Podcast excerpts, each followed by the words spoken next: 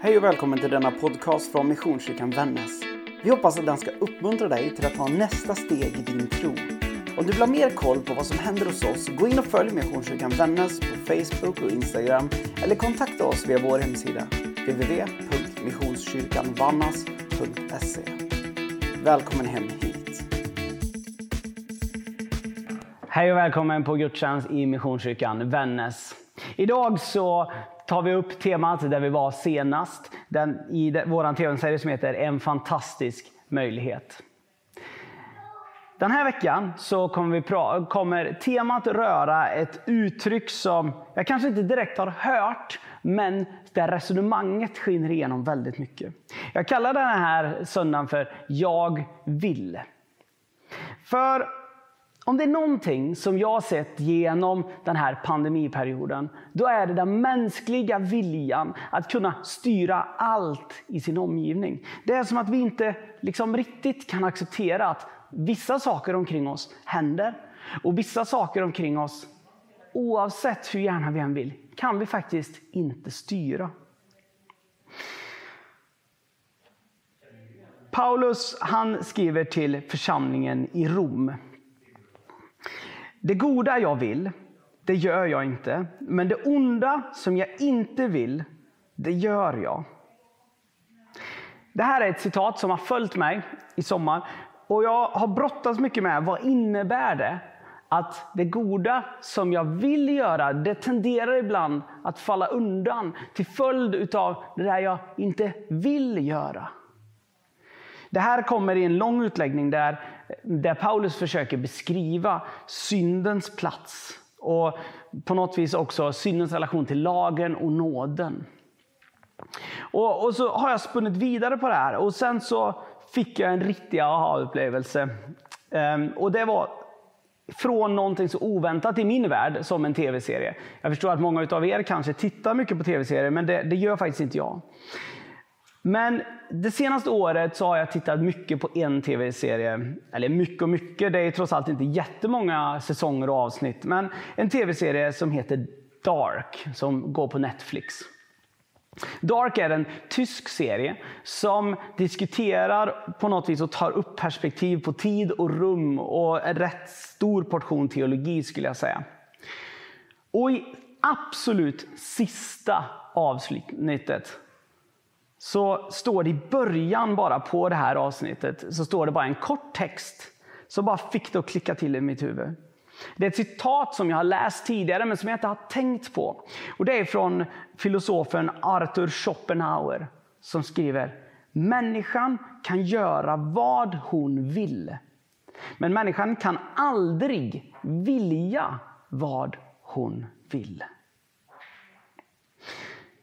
Alltså, människan kan göra.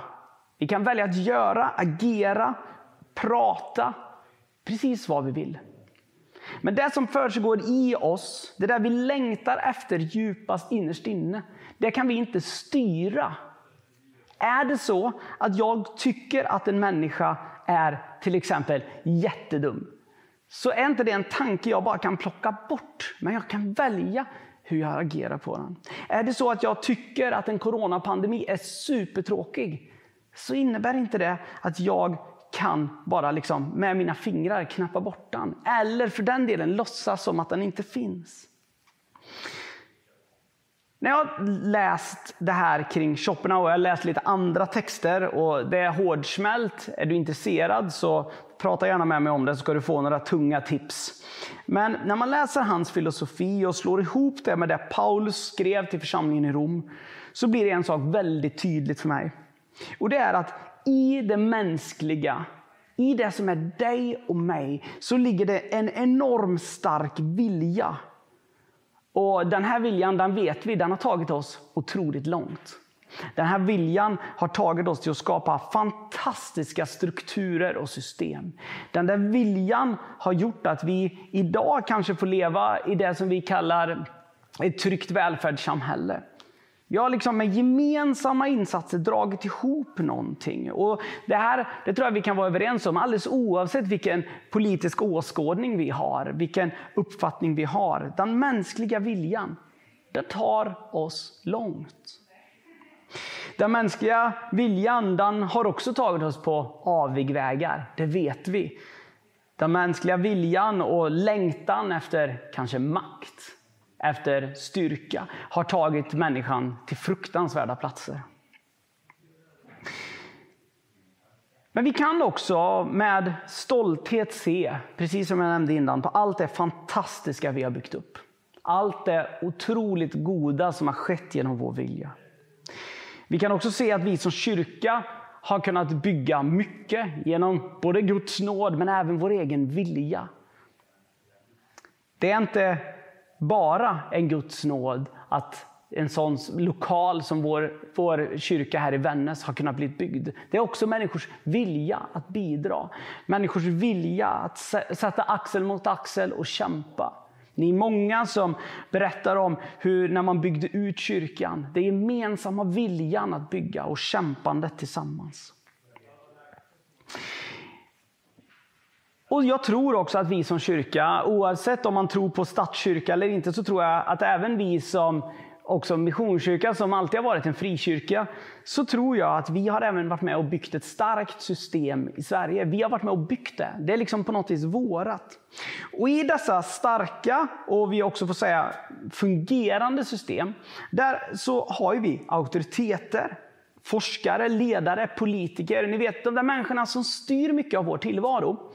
En sån person som har kommit att styra vår tillvaro mer än vad vi någonsin anat, det är Anders Tegnell. Och det tycker jag är intressant, för det här är en person som de allra flesta av oss inte hade en aning om vem det var för ett år sedan antagligen. Kanske om du har varit väldigt nördig på svensk byråkrati och haft koll på lite grejer så, så kanske du har vetat vem det är. Men för egen del så kan jag säga, jag hade ingen aning om vem han var. Men det här är en människa som du och jag har varit med, tänker jag då, och gett en utbildning. Vi har liksom pushat honom fram i sitt yrkesliv att komma längre och längre fram. Allt för att en dag hamna på den positionen där han är nu. Där han är epidemiologen, den som ska sköta och ha hand om det. När det stormar som värst, när det är en epidemi på gång. Då har vi satt honom på en plats. På den platsen har vi sagt, hjälp oss att ta kloka beslut. Hjälp oss, led oss rätt. Det är precis det som jag tänker att han har gjort under den här pandemin. Det här är en människa som har behövt stå emot mycket spott och spe. Det vet vi alla som har fått höra mycket konstigheter och tråkigheter kring sitt uppdrag. Där han har blivit satt i att skydda oss. Många är vi som muttrande har känt Oh, det är så tråkigt, vi får inte göra som vi vill. Jag får inte resa vart jag vill, jag får inte träffa människor som jag vill. Jag måste skydda mig där, jag måste skydda mig där. Den viljan är helt normal. Den viljan och den längtan, den är klok och vis. Men jag tror också att ibland så leder den oss till att vilja göra handlingar som inte är klokt. Och du ska få ett exempel på det här. Det finns ingenting, tror jag, under den här pandemin som vi som församling längtat så mycket efter just nu som att träffas. Det här med att göra filmer och lägga ut en predikan, det har sina verkliga fördelar på vissa sätt. Det hävdar jag. Och jag står fast vid det. Men det har också otroliga nackdelar. Det är ingen som påstår att det här är precis lika bra som att träffas här på kyrkan tillsammans för att komma samman som församling. Men att öppna i detta nu, vore som att säga att den där auktoriteten som vi har pushat och hjälpt fram till att den ska kunna ha så mycket kunskap som möjligt för att kunna ge sina råd. Att säga att nej, så länge du säger det vi tycker är bra, då lyssnar vi på dig. Men därefter, nej, vi vill inte riktigt. Att i tider av oro lyssna på dem som vet tror jag är klokt. Och nu så får ni förstå mig rätt här också. Givetvis så tror jag på att i icke fungerande system så måste man göra motstånd. Jag tror även i Sverige att det behövs ett visst form av motstånd. Det är inte det jag säger. Det är inte det att man blint ska lyssna till allt. Men för att citera en, jag inte minns just nu vem det var, men citatet sitter väl kvar i mig i våras.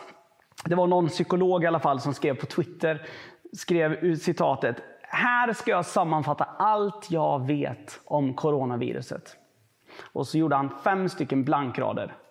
Och sen skrev han, så, nu har jag sammanfattat allt jag kan, för jag är inte epidemiolog, jag är psykolog. Att någonstans förstå att vi behöver lägga vår tilltro i vissa tider till andra. Jesus, han tro, tänker vi ju väldigt många gånger är en, var en rebellisk man. Vi tänker många gånger att här var en man som kom och ville omstörta systemen, som ville bryta med allt som tidigare var.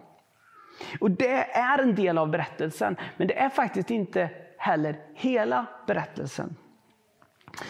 Så här skriver, skriver evangelisten Markus i tolfte kapitlet i Markus evangeliet. Fariséerna kom till Jesus och sade, Mästare, vi vet ju att du är uppriktig. Du faller inte undan för någon och ser inte till personen utan lär oss verkligen vad som är Guds väg. Är det rätt eller inte rätt att betala skatt till kejsaren? Ska vi eller ska vi inte göra det? Men Jesus förstod att de hycklade och svarade, varför vill ni sätta mig på prov? Ta hit en denar och låt mig se på den. De räckte fram en denar och han frågade, vems bild och namn är det på detta mynt? Kejsarens, svarade de. Och Jesus svarade då, ge kejsaren det som tillhör kejsaren och Gud det som tillhör Gud. Då häpnade de över honom. Bara en snabb kontexten här. Jesus lever i en ockuperad nation. Palestina, eller det som vi känner som Israel idag, var ockuperat av det romerska riket. Den valutan som gällde var de romerska denarerna och det var kejsarens symbol, eller ansikte och namn präglat på mynten. Frågan är, är det rätt att betala skatt till ett system som inte är gott? Ja, lyssnar vi till vad Jesus säger här så är det så att vi ska ge det som hör kejsaren till, till kejsaren och Gud det som tillhör Gud. Med andra ord, vi har hela tiden ett förhållningssätt att förhålla oss till. Dels att vi ska ge det kejsaren, eller om vi då kallar det vårt samhälle, våra auktoriteter, de där som är det som vi har byggt upp ihop. Det ska vi ge till i form av tilltro men också ekonomi. Som vi då gör, för vi ger trots allt Anders Tegnell en lön varje månad via vår skattesedel. Å andra sidan ska vi också ge det som tillhör Gud, Gud. Här så tänker jag att där har vi olika grejer. En av dem är en del av vår ekonomi där Jesus undervisar att det är gott att ge en del av sin ekonomi till Guds rike. Det andra det är vår tillit och tro, vår förtröstan och vårt hopp. Jag tänker, när jag läser det här, vad Jesus säger, det här Jesus-citatet, och lägger liksom mina glasögon på vad vår tid och det vi lever i just nu, så tänker jag, vi kan vilja väldigt mycket. Vi kan tänka att ja, men det, vad kan vara så svårt med att träffas? Vad kan vara så bökigt? Jag tror att vi har ett uppdrag som kristna att faktiskt lyssna på ledare. Men också att göra det vi kan. Eller med andra ord, på något vis se att okej, okay, vi kan inte göra som vi önskar. Men vi kan fortfarande svara till viss del på längtan. Vi kan vilja ses, ja men låt oss då ses i det mindre. För som det är just nu så vet vi det, att det som är en normal gudstjänst för Missionskyrkan Vännäs, den skulle vi inte kunna fira inom det som staten säger det här är lagligt. Och Du kanske har sett de här nya grejerna som kom nu i veckan. Talen om att det kan öppnas. Och Det ber vi och hoppas för just nu. Min längtan är att vi från den 1 oktober verkligen ska kunna samlas och fira gudstjänst tillsammans på fullaste allvar igen. Kanske kan vi göra det innan om vi får en god idé på det. Men som det är just nu så får vi vara hänvisade till den lilla gruppen. Och Därför skulle jag avslutningsvis vill jag uppmuntra dig. Vi kör just nu en drive där vi försöker uppmuntra människor att gå med i en smågrupp. Där vi jobbar med smågrupper. Och det är ett, redan ett, ett bra gäng som har anmält sig och vi kommer nu i veckan börja sätta ihop eh, grupper. Men vi gör det här fortlöpande. Och så är du intresserad av att vara med i en smågrupp, en hemgrupp som vi väljer att kalla dem, som är en sorts gemenskapsgrupp för bön, för undervisning tillsammans, men också för gemenskap eh, och att dela livet. Så hör av dig till mig eller gå in på vår hemsida så kan man fylla i till och med ett enkelt formulär bara där så hamnar man i, i rullorna och vi kan eh, lotsa ihop människor.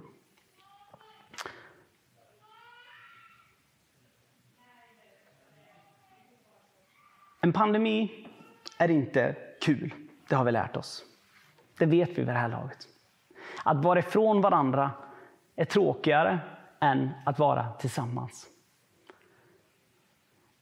Jag ska avslutningsvis dela vad jag vill och hur jag väljer att agera. Bara för att ge ett exempel på det här. Jag, Johan Wikström, som person, visst också pastor, men också person. Jag vill ingenting hellre, och jag vill verkligen betona, ingenting hellre än att samlas till gudstjänst. Det är det som jag saknar mest av allt just nu, skulle jag säga. Att fira gudstjänst söndag förmiddag ihop med min församling på plats i kyrkan. Men i min vilja så stöter jag också på ett problem. Och det är att jag vill inte att vi ska stå i dörren och säga nej. Det är fullt. Jag vill inte ha en kyrka som är baserad på att man får anmäla ett intresse. Det vill inte jag ha. Jag vill att vi ska vara en kyrka som den dagen vi kan samlas så ska vi kunna göra det som vi vill, som vi längtar efter. Vad gör jag då av det här? Ja, en sak det skulle ju vara att säga att men, vi gör det här ändå, vi samlas ändå. Det vore en väg. Det är någonting som vi gemensamt får diskutera. Men det jag tänker och gör just nu, det är att jag tänker att vi inte kan samlas som det är just nu. Inte i den stora gemenskapen, men väl i den lilla. Tycker jag det är tråkigt? Ja, men självklart, för jag vill någonting annat. Tror jag att det är den rätta vägen? Ja, jag tror det just nu. Men ni ska veta att det är tråkigt. Jag längtar efter att träffas igen. Jag längtar efter att få ha de där fantastiska festerna som vi har här, gång på gång. De där fantastiska sammankomsterna och den gemenskapen. Jag saknar det som är min, min storfamilj, församlingen. Det gör jag.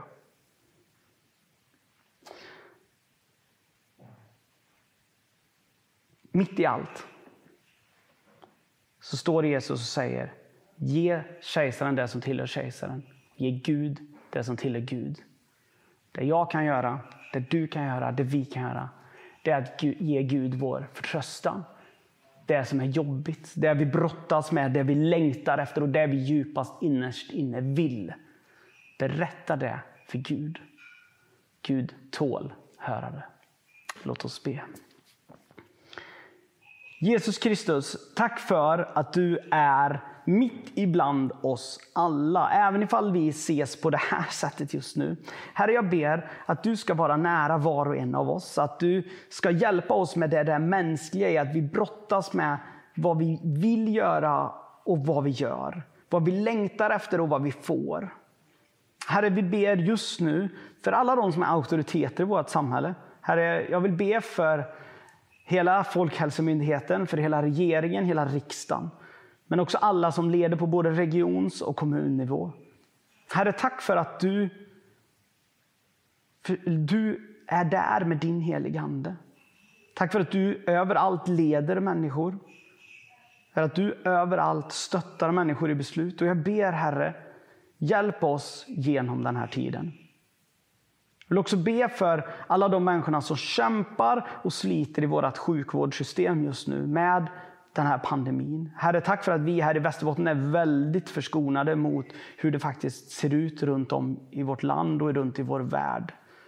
Men Herre, jag ber att du också ska ge oss en vishet och en klokhet. Att de stunderna som vi brottas över hur det är och hur tråkigt saker är, att vi också ska våga se. Gud, de där borta, de har det så här dåligt. Påminn oss om att samma sak skulle kunna hända oss varje dag. Vi skulle kunna hamna i samma katastrof. Påminn oss om det. Och Herre, jag ber också mitt i allt det att också förtrösta på dig, att luta oss mot dig. Att sätta vår tillit i dig. Jag ber så i ditt heliga namn Jesus. Amen.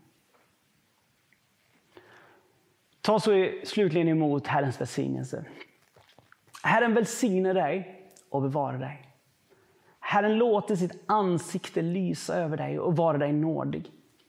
Herren vänder sitt ansikte till dig och ger dig utav sin frid. I Faderns och Sonens och den helige Andes namn. Amen.